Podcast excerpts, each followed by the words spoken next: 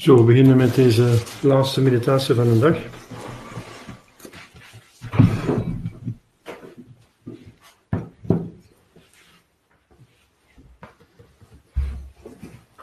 Bladzijde 74, het was een boekje. De naam van de Vader en de Zoon de Heilige Geest samen. Kom, Heilige Geest, vervul de harten van uw gelovigen en ontsteek in hen het vuur van uw liefde. Zend uw geest uit en zullen geschapen worden. En hij zult het aanschijn van de aarde vernieuwen. Laten we bidden, o God, die de harten van de gelovigen door de verlichting van de Heilige Geest hebt onderwezen. Geef ons dat wij door dezelfde Geest de ware wijsheid bezitten en ons altijd over zijn vertroosting verblijden door Christus onze Heer. Amen. Onze lieve vrouw, zetel van de wijsheid, Bid voor ons. heilige Jozef, Bid voor ons. Heilige bewaarders, Bid voor ons. onze heilige patronen, Bid voor ons. Sint Ignatius van Loyola, Bid voor de naam van de ons. Vader en de Zoon en de Geest.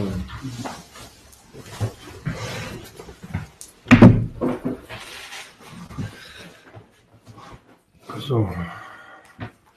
Ik heb de tekst erbij halen hier, voor de mensen die online volgen. Ik heb de tekst eh, down- gedownload, dus kan ik hier tonen. Zo. Dat is dan beter. Ja, denk ik.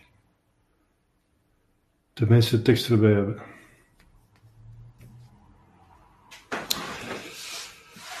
Dus we zijn in ehm, de geestelijke oefeningen. Eh, in ons boekje hier is dat. ehm, de eerste oefening, bladzijde 35, nummer 45. Dus de eerste oefening.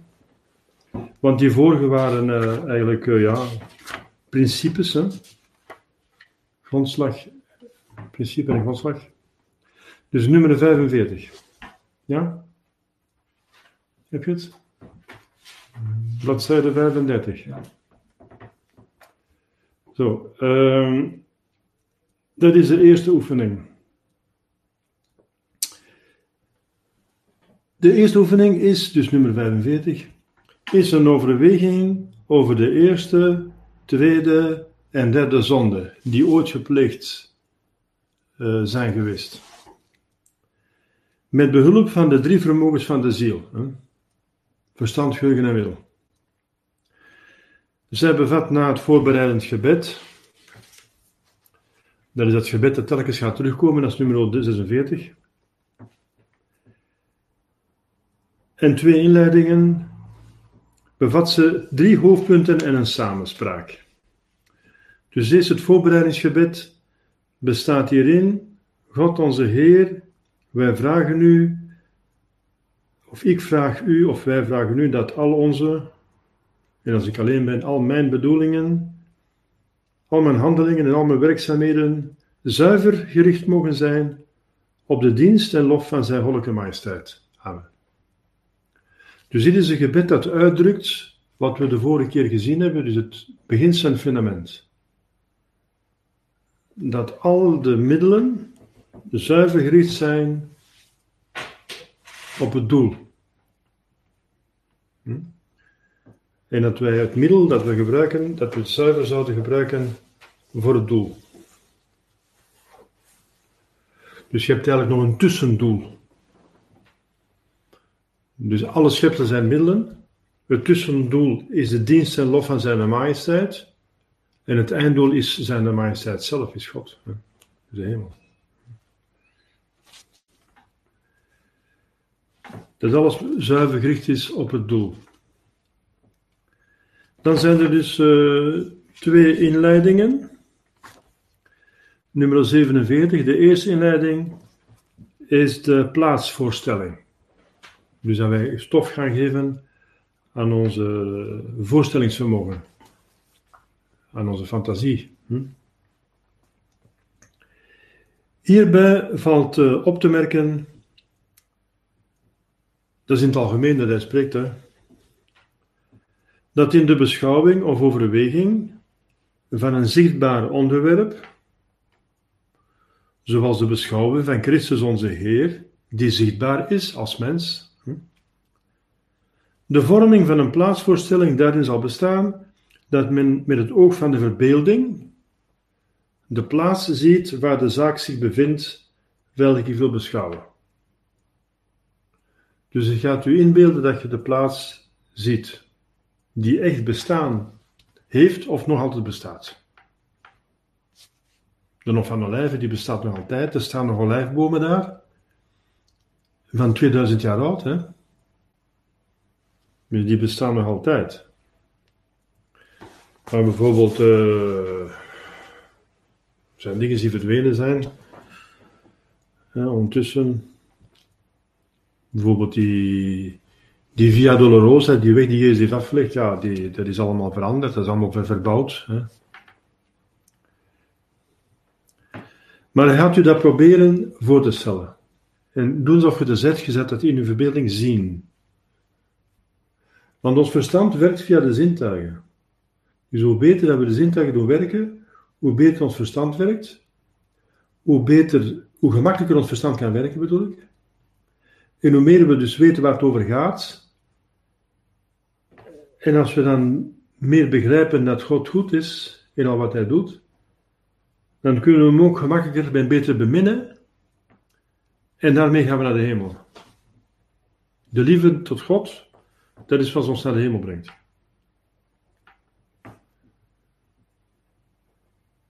En dan, ik zeg stoffelijke ruimte, dat wil zeggen dus zintuigelijk waarneembare ruimte, bedoelt hij daarmee? Hè? Stoffelijk wil zeggen materieel, dus niet geestelijk. Dus ik zeg de stoffelijke ruimte, de zichtbare, de hoorbare, de ruikbare, dus zintuigelijk waarneembare ruimte. Bijvoorbeeld een tempel of een berg.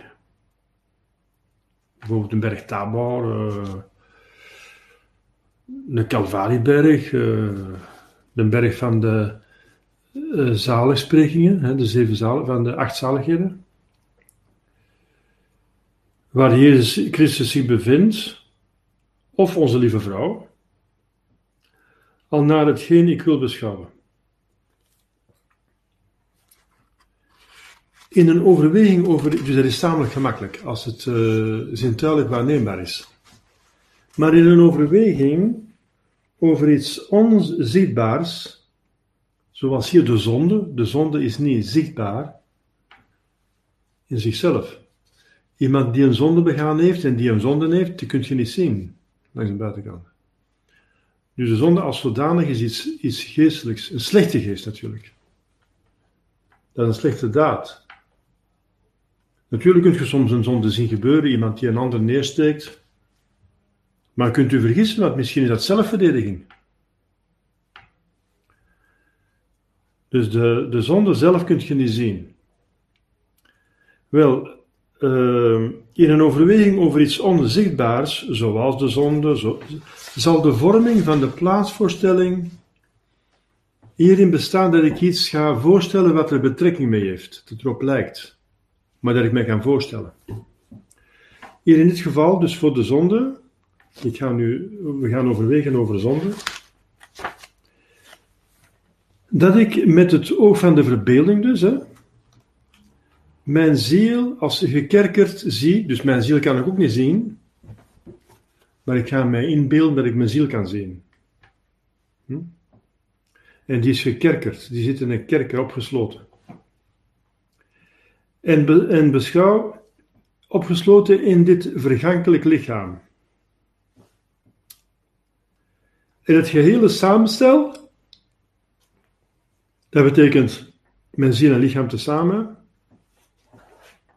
in dit tranendal, we zeggen in het aardse leven, dat toch zijn dalers kruis heeft en dat niet altijd roze geur en maneschijn is, maar eerder zelfs uh, ons bedroeft, hè, tranendal, beschouwen als verbannen onder redeloze dieren. De redeloze dieren, dat zijn niet alleen de dieren die geen reden hebben, maar dat zijn ook mensen die zich redeloos gedragen. Die volgens hun lichaam leven, dan zijn leven ze als dieren. Want de mens is een redelijk dier, dat wil zeggen, redelijk heeft een ziel, dier heeft een lichaam, maar als hij zijn verstand niet gebruikt, zijn gezond verstand en zijn geloof, dan leeft hij als een dier. En is als verbannen. Maar waaruit zijn we verbannen? Wel van het aardsparadijs. En als wij in doodzonde leven, dan zijn we wel verbannen van het hemelsparadijs. Dus het is een ballingswoord. Hè? Dat ons naar een ergere oord brengt als we ons niet bekeren, naar de hel. Dus mijn ziel is gekerkerd, dat wil zeggen, dat lichaam is niet zoals ik wil. Want dat is het probleem van een kerker, dat is dat je daar ergens op een plaats zit waar je niet kunt doen wat je wilt. Wel, ons lichaam is op zekere mate een kerker, dat wil zeggen, je kunt, je ziel kan niet doen wat ze wil. Sint Paulus zegt, ik zou het goede willen doen, maar ik doe het kwade. Mijn lichaam heeft slechte neigingen. De erfzonde wordt meegegeven met het lichaam. Maar het lichaam komt van de ouders, door de verwekking. Maar de ziel wordt door God geschapen en die is zuiver, die is in orde.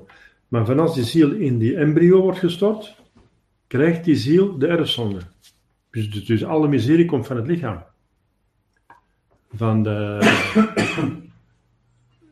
waardoor we de erfenis krijgen van Adam en Eva, de erfzonde met alle gevolgen van dien, ons verstand verduistert, onze wil verzwakt, onze wil geneigd naar het kwade, ons lichaam onderhevig aan lijden en dood, dus dat komt allemaal van de erfzonde.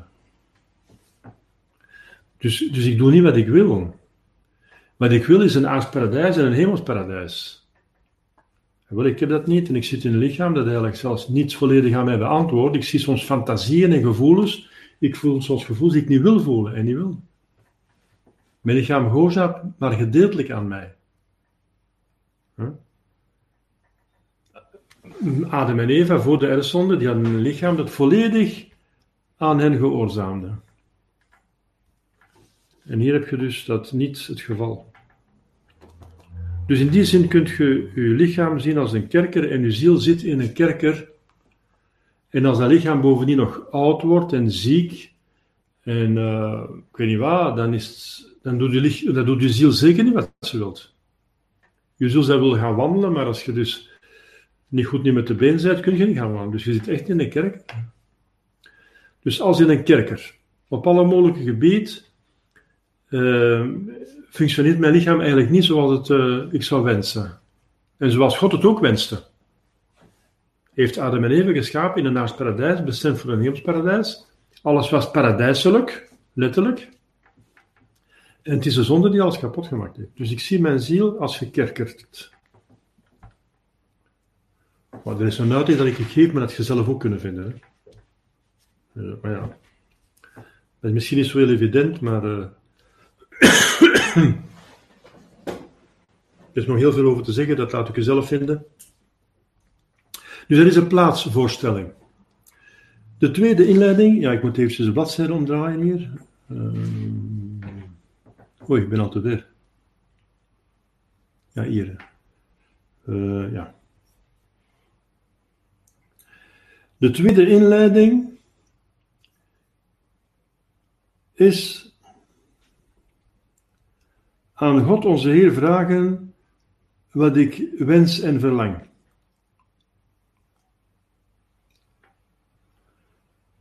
De bede, dus de vraag, moet uh, in overeenstemming zijn met de voorgelegde stof. Dat we zeggen, gaat de beschouwing over de vereissenis, dan moet ik vreugde vragen met de vreugdevolle Christus. Gaat zo lijden, dan moet ik vragen om smart, tranen en leed, om mede te lijden met de met, van leed verzadigde Jezus. Hè? Hier in deze overweging, dus ik ga dus de, de, de genade vragen die in overeenstemming is met natuurlijk de overweging. Dat is evident. Hier in deze overweging van de drie uh, eerste zonden Uh, en vooral dus uh, om de die van de engelen, zal ik vragen.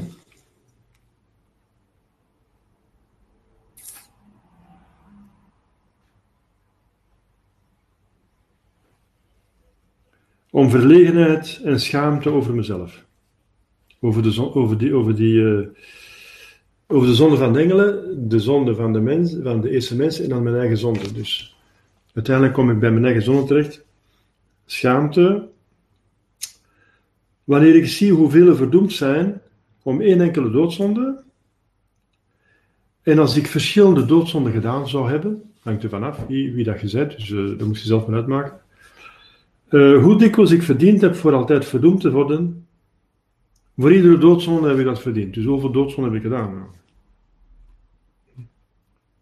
Wel. Er wel de zijn die voor eeuwig verdoemd zijn voor één doodzonde. Schaamte, dat wil zeggen om mij van mijn zonde af te maken. Ik ga nu, we zijn in de zuiveringsfase, ik wil van mijn zonde af. Dus de eerste stap is daarover schamen. Een opmerking. Voor alle beschouwingen of overwegingen moet er steeds het voorbereidingsgebed zonder wijziging en de beide inleidingen gedaan worden, die soms gewijzigd gedaan zullen worden naar gelang de voorgelegde stof, de meditatiestof. Dus die, uh, het voorbereidingsgebed, de plaatsvoorstelling en het vragen van de specifieke genade, dat komt in alle meditaties en beschouwingen voor. Dat wat hij nu zegt in nummer uh, 49. En nu gaan we beginnen. Het eerste punt, dus na de plaatsvoorstelling, hè, maar dat is tamelijk grof, dat is voor mijn uh, zintuigelijke uh, fantasie. Maar nu ga ik proberen te begrijpen, hè, verstand. Zal het zijn het geheugen te richten, het verstand en het geheugen? Het geheugen, want ik heb er al van alles van gehoord als ik klein was zelfs, over de zonde. Ik kan me herinneren wat ik daar ook allemaal heb over gehoord in preken, in al wat ik gelezen zou hebben. Op de eerste zonde die die van de engelen is geweest. Want de engelen zijn geschapen voor de mensen. In het begin de Genesis, dus het eerste boek van de Heilige Schrift zegt, in het begin schiep God hemel en aarde. En de hemel, zegt Sint Augustinus, dat houdt niet alleen het heelal in, maar ook de engelen. In het begin schiep God de, het heelal en de engelen. En de engelen moesten een proef ondergaan, want die waren bestemd voor de hemel. Die waren geschapen met de vrije wil. En ongeveer, en ongeveer de twee derde heeft goed geantwoord, heeft bewezen dat ze God beminnen, hebben Gods wil aanvaard en dat is hetgeen dat de kerkvaders denken, dat uh, God heeft meegedeeld dat de tweede persoon zou mens worden. En dat die mens zou koning zijn van het heelal, dus ook koning van de engelen. God mens geworden. En de meesten, dus twee derde, hebben dat aanvaard en een derde hebben dat verworpen. Een duivel was zich niet onderwerpen aan een mens, aan een dier, aan stof. Ja, maar zegt de Michael, wie is als God? Quis ut Deus. Die, die, die mens is ook God, het is een Godmens. Hij is mens, hij is God. Hij is God mens geworden. Wie is als God? En dan werd de duivel om door zijn weigering, zijn koppige weigering, om God te aanvaarden, de besluiten van God te aanvaarden en Jezus te aanbidden op voorhand al, die ging komen, hè, in de tijd zou die geschapen worden, de mensheid van Jezus. Dus is die naar de hel uh, dus uh, geworpen door één enkele zonde. De zonde van de engelen. Daarna het verstand gebruiken om over die zonde na te denken. Proberen die te begrijpen waar het over gaat. En vervolgens de wil om mij dit alles in het geheugen te willen brengen en het te willen begrijpen tot mijn grote verlegenheid en beschaming. Want dan heb je de wil, dat wil zeggen, je krijgt een afkeer van de zonde. Tot mijn grotere verlegenheid en beschaming, wanneer ik namelijk vergelijk die ene zonde van de engelen met zoveel zonde van mij, eventueel. Hm? Ik weet niet hoeveel doodzonden, uh, hopelijk geen enkele, maar de meeste mensen hebben toch wel wat gezondigd en uh, er kunnen wel wat doodzonden tussen zitten. En Ja. Wel, als ze doodzonde zijn in het meervoud, dan eh, kunnen we die oefening eh, ja, doen tot onze verlegenheid en beschaming. hè. En waar zij wegens één enkele zonde in de hel kwamen, voor eeuwig, voor eeuwig. En hoe dikwijls ik dan verdiend heb datzelfde te doen wegens zoveel zonden.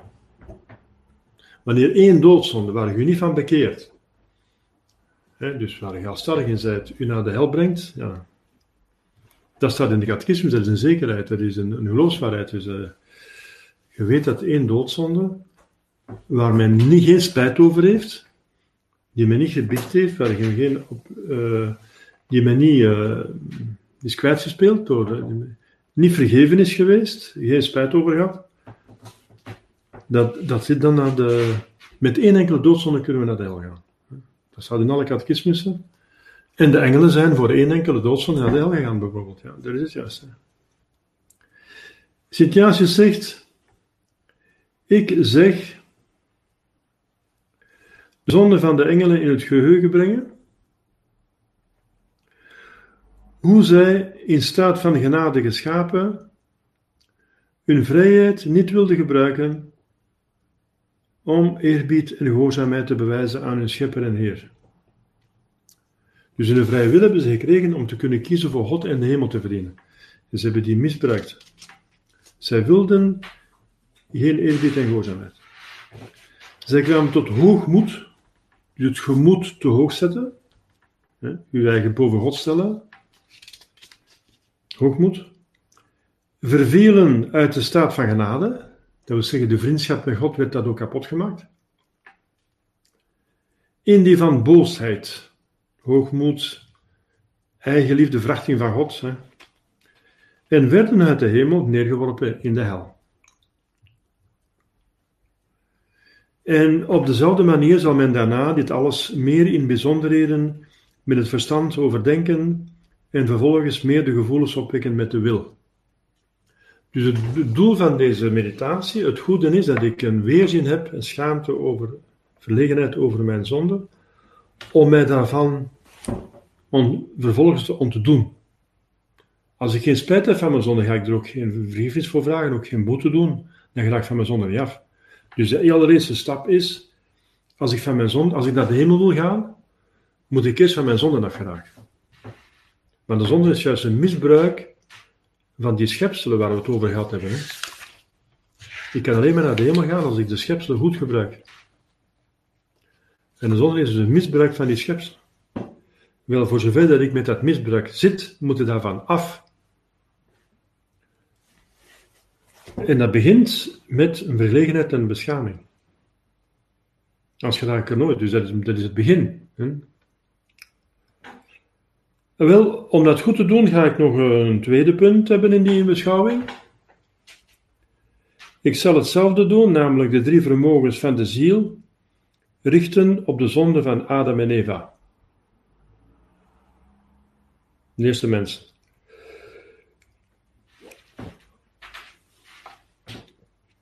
Dus de allereerste zonde gepleegd door mensen. En dan, men roepen zich in het geheugen, hm, zegt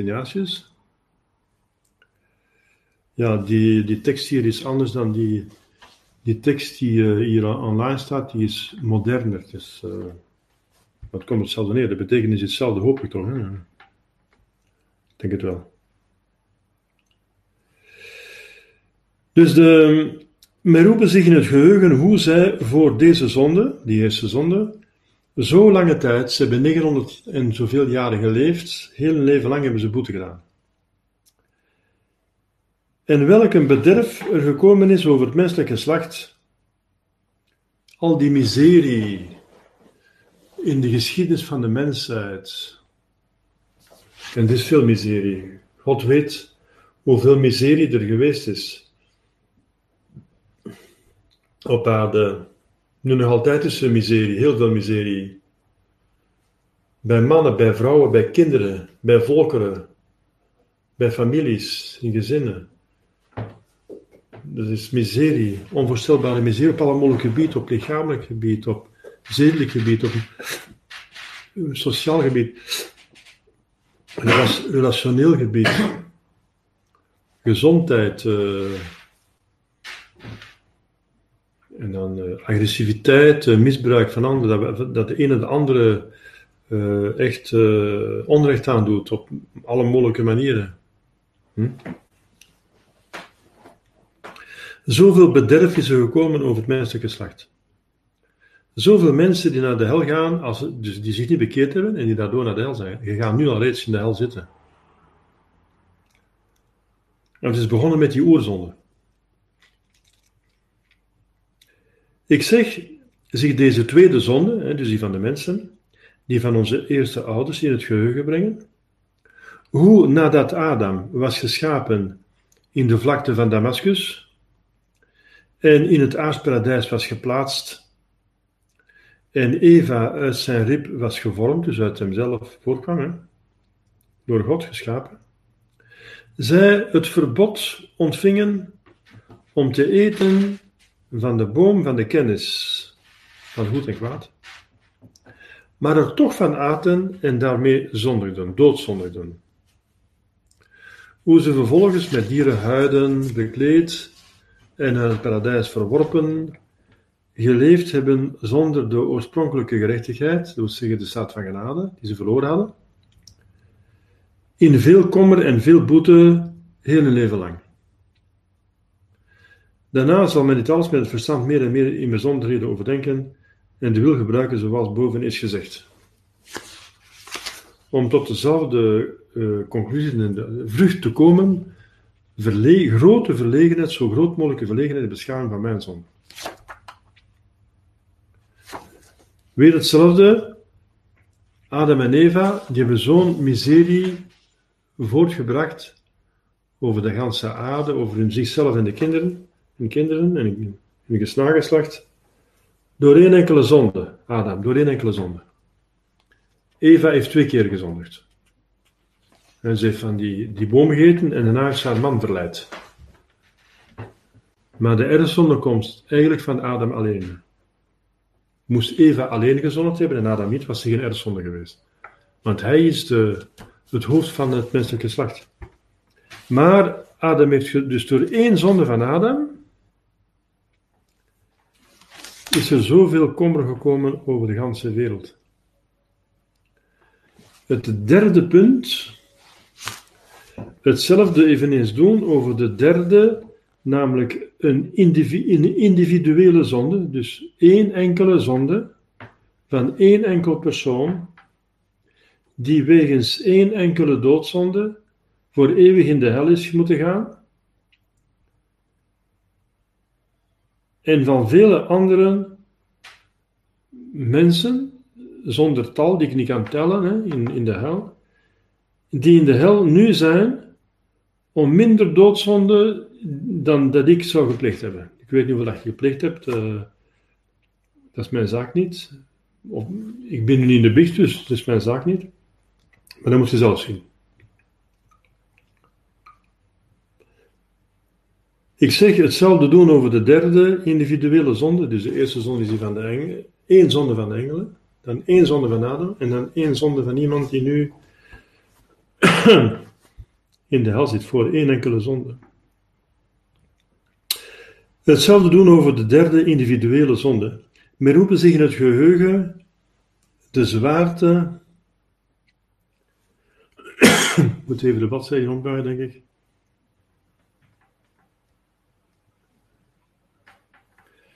De zwaarte en de boosheid de zonde.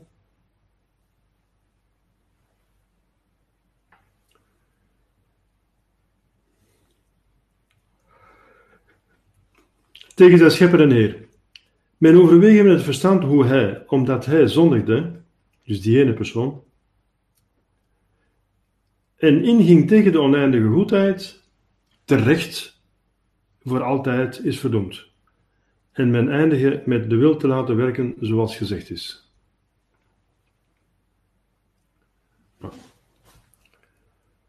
En dan de samenspraak. Dat is op het einde van de meditatie, de samenspraak. En dan kunt je Christus voorstellen, onze Heer, vlak voor mij aan het kruis genageld, dus dat heeft hij voor mij gedaan.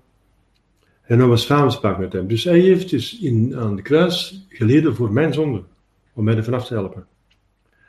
Hoe hij van schepper ertoe gekomen is mens te worden, en van het eeuwig leven over te gaan tot de dood, tot het leven en hier als mens en tot de dood, in de tijd, en zo te sterven om mijn zonde. Om mijn zonde. Om mij er vanaf te helpen. Wat een goedheid. Ik zal even eens de blik op mezelf slaan en mezelf afvragen wat ik tot hiertoe gedaan heb voor Christus, wat ik doe voor Christus en wat ik zou moeten doen eigenlijk voor Christus. En terwijl ik hem in die toestand zie, zo vastgenageld aan het kruis, om mijn zonde, zal ik verwijlen bij hetgeen bij mij mocht zijn opgekomen. Samenspraak. Nummer 54. De samenspraak doet men door een echt gesprek te voeren, zoals de ene vriend spreekt met de andere, of een dienaar met zijn heer, door nu eens een genade te vragen, dan weer zich te beschuldigen van enig bedreven kwaad, of zijn zorgen mede te delen en daarin raad te vragen, dan aan onze Vader bidden. Dat is die eerste oefening. Dus zo moeilijk is het niet, want uh, dat is namelijk uh, tot in details uitgelegd door Sint Ignatius. Uh, dus het is de samenspraak, heet dat, van de barmhartigheid. dus de barmhartigheid is een goedheid die uitgeoefend wordt tegenover de miserie. In dit geval de miserie van de, zon, de zonde. Dus de, de samenspraak van de misericordia. De misericor, de hart hebben voor de miserie. De barmhartigheid.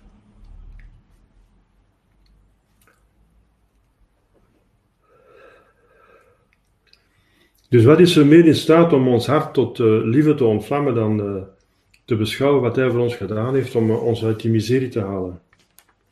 Die grote miserie, die pinari, waar we ons hebben ingewerkt door de doodzonde. Dus deze meditatie gaat over drie oordelen. En het zijn drie veroordelingen, maar die volmaakt juist zijn. We mogen niet in de verleiding vallen, de duivel zal ons proberen te verleiden en zeggen: Ja, maar God is veel te streng. Hè? Dat is onmogelijk. Zelfs de heidenen, zoals Aristoteles, hebben wetenschappelijk bewezen dat God niet kan onrechtvaardig zijn. Hij kan niet onvolmaakt zijn. Onmogelijk. Hij is het zijn zelf en is alle volmaaktheden in persoon. In personen. Oneindig. Dus hij is, hij is niet alleen goed, hij is goedheid. Hij is niet alleen rechtvaardig, hij is rechtvaardigheid. Dus als je dan een rechter hebt die rechtvaardigheid is en goedheid is, en je hebt zo'n verschrikkelijke veroordeling, dat ze voor eeuwig in de vreselijkste lijden zitten, die wezens, dan moet de conclusie niet zijn, dan is die rechter dus ja, want hij is oneindig, dan is niet zijn dat die rechter niet juist was, want die is juist heel juist, die kan niet. Dus het zit hem niet in de rechter. Als de rechter juist is, dus is ook het oordeel juist. Dat betekent dat de misdaad zo erg was. Dat is mijn conclusie. Mijn conclusie moet, moet zijn, wat is de doodzonde dan zo erg? Zo erg, dat ze zullen kunnen oneindig rechtvaardige, uh, verschrikkelijke straf verdienen van een, van een oneindige goedheid. Die probeert goed te doen. Wat moet dat toch slecht zijn? Dus wij moeten komen tot de conclusie van de kwaadheid, de graad van kwaadheid van de doodzonde, die ergens oneindig is. Want de doodzonde is een schennis, een majesteitsschennis van een oneindige majesteit. Dus de doodzonde heeft iets oneindigs kwaads. Omdat een oneindige majesteit van God is geschonden. Oneindige goedheid is, verworpen. Je hebt een, een, een ondankbaarheid tegen een oneindig goed, de hemel. Een verschrikkelijke ondankbaarheid dus. Dus daardoor, dat geeft aan de doodzonde een, een ergens een oneindig aspect. En de rechtvaardigheid vereist dat een oneindig kwaad wordt gestraft met een oneindige straf. In die oneindigheid van die straf bestaat erin dat het voor eeuwig is. Die oneindigheid zal bestaan in de tijd. Want in intensiteit kan het niet. De mens kan niet oneindig intensief eh, lijden, want hij is beperkt. Dus de oneindigheid zal betaald worden door de tijd. En daarom is de, deze hel is eeuwig. Dat is een dogma. Want de apokatastase is een ketterij die toegeschreven wordt aan eh, Origene- Origenes, maar dan nog is weer vele ketterijen toegeschreven die hij niet gedaan heeft. Dat was uit jaloezie, wat een geniaal man was. Die heeft prachtige dingen geschreven en er waren jaloers op hem en die hebben dan ketterijen in zijn voeten geschoven. Vooral ketters hebben dat ook gedaan, om hem te, te discrediteren. Dus, eh, maar het wordt dus aan Origenes toeges- toegeschreven, maar niet met absolute zekerheid. Dus die ketterij, dat de hel niet eeuwig is. Een tijd gaat duren en daarna. Dat is de hel niet, hè? dat is het vagevuur. Maar de hel is eeuwig, dat is absoluut zeker. Jezus spreekt van de eeuwige vlammen, van de hel, het eeuwige vuur. Het staat in het evangelie, God kan niet liegen. Het is zo. Het is een dogma. En dat toont de ergte aan van de zonde. Vooral van de doodzonde natuurlijk. Dus wij moeten dus een afschuw krijgen van onze eigen zonde. Dat is de vrucht. Hoe meer haat ik krijg en afschuw van mijn eigen zonde, hoe beter en hoe, ja, hoe beter ik mij er ga van afbrengen, van afdoen, van ontdoen bedoel ik.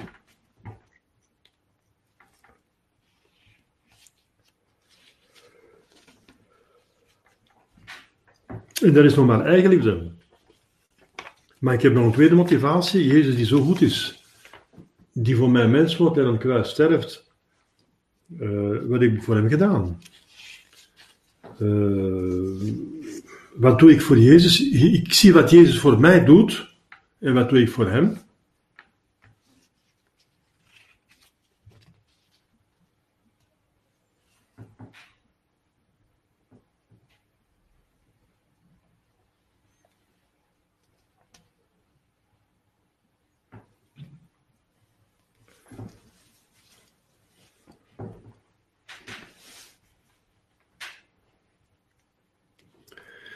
En dat, eh, dus dat de hel bestaat, daar kun je ook niet aan twijfelen. Er wordt tegenwoordig ook aan getwijfeld, maar dat is dus gewoon een ketterij, zoals ik zei. De hel staat, Jezus spreekt meer dan 40 keren over de hel. De duisternis met tandengeknars, buitengeworpen. Ja. De duisternis. Eh, met de parabel van de rijke vrek en de arme Lazarus. Hè. In de apocalyps, de zwavelpoel. Dus er, worden, er wordt meer dan 40 keren in de Heilige Schrift duidelijk over de hel gesproken. In het Oude Testament, met de opstand van een van die eh priesters, die levieten, die tegen Mozes in opstand kwamen, en tegen Yahweh dus, ging de aarde open en ze vielen in de vlammen. Maria deed hetzelfde. Maria in Fatima, nog in het begin van de 20e eeuw, die toont aan kindertjes de hel. De aarde gaat open en ze zien daar in de vlammen de. Maria kan niet liegen, de Heilige Schrift ook niet, dus waarschijnlijk is de hel inderdaad eh, onder de aarde. En wij weten dat daar een vuurpoel is. Dat is, dus- dat is een vuurpoel. Ja, daar komen de vulkanen van. Dus er is vuur. Ehm, Maria spreekt erover, de Heilige Schrift spreekt erover, Jezus spreekt erover. Dus je kunt niet twijfelen aan het bestaan van de hel. En dat dat, dat een verschrikkelijke plaats is, dat is ja. Er is wat God totaal verworpen is gedaan. God wordt, God wordt verworpen en daardoor verdienen ze de hel dus. Dus geen enkele vertroosting. Niks.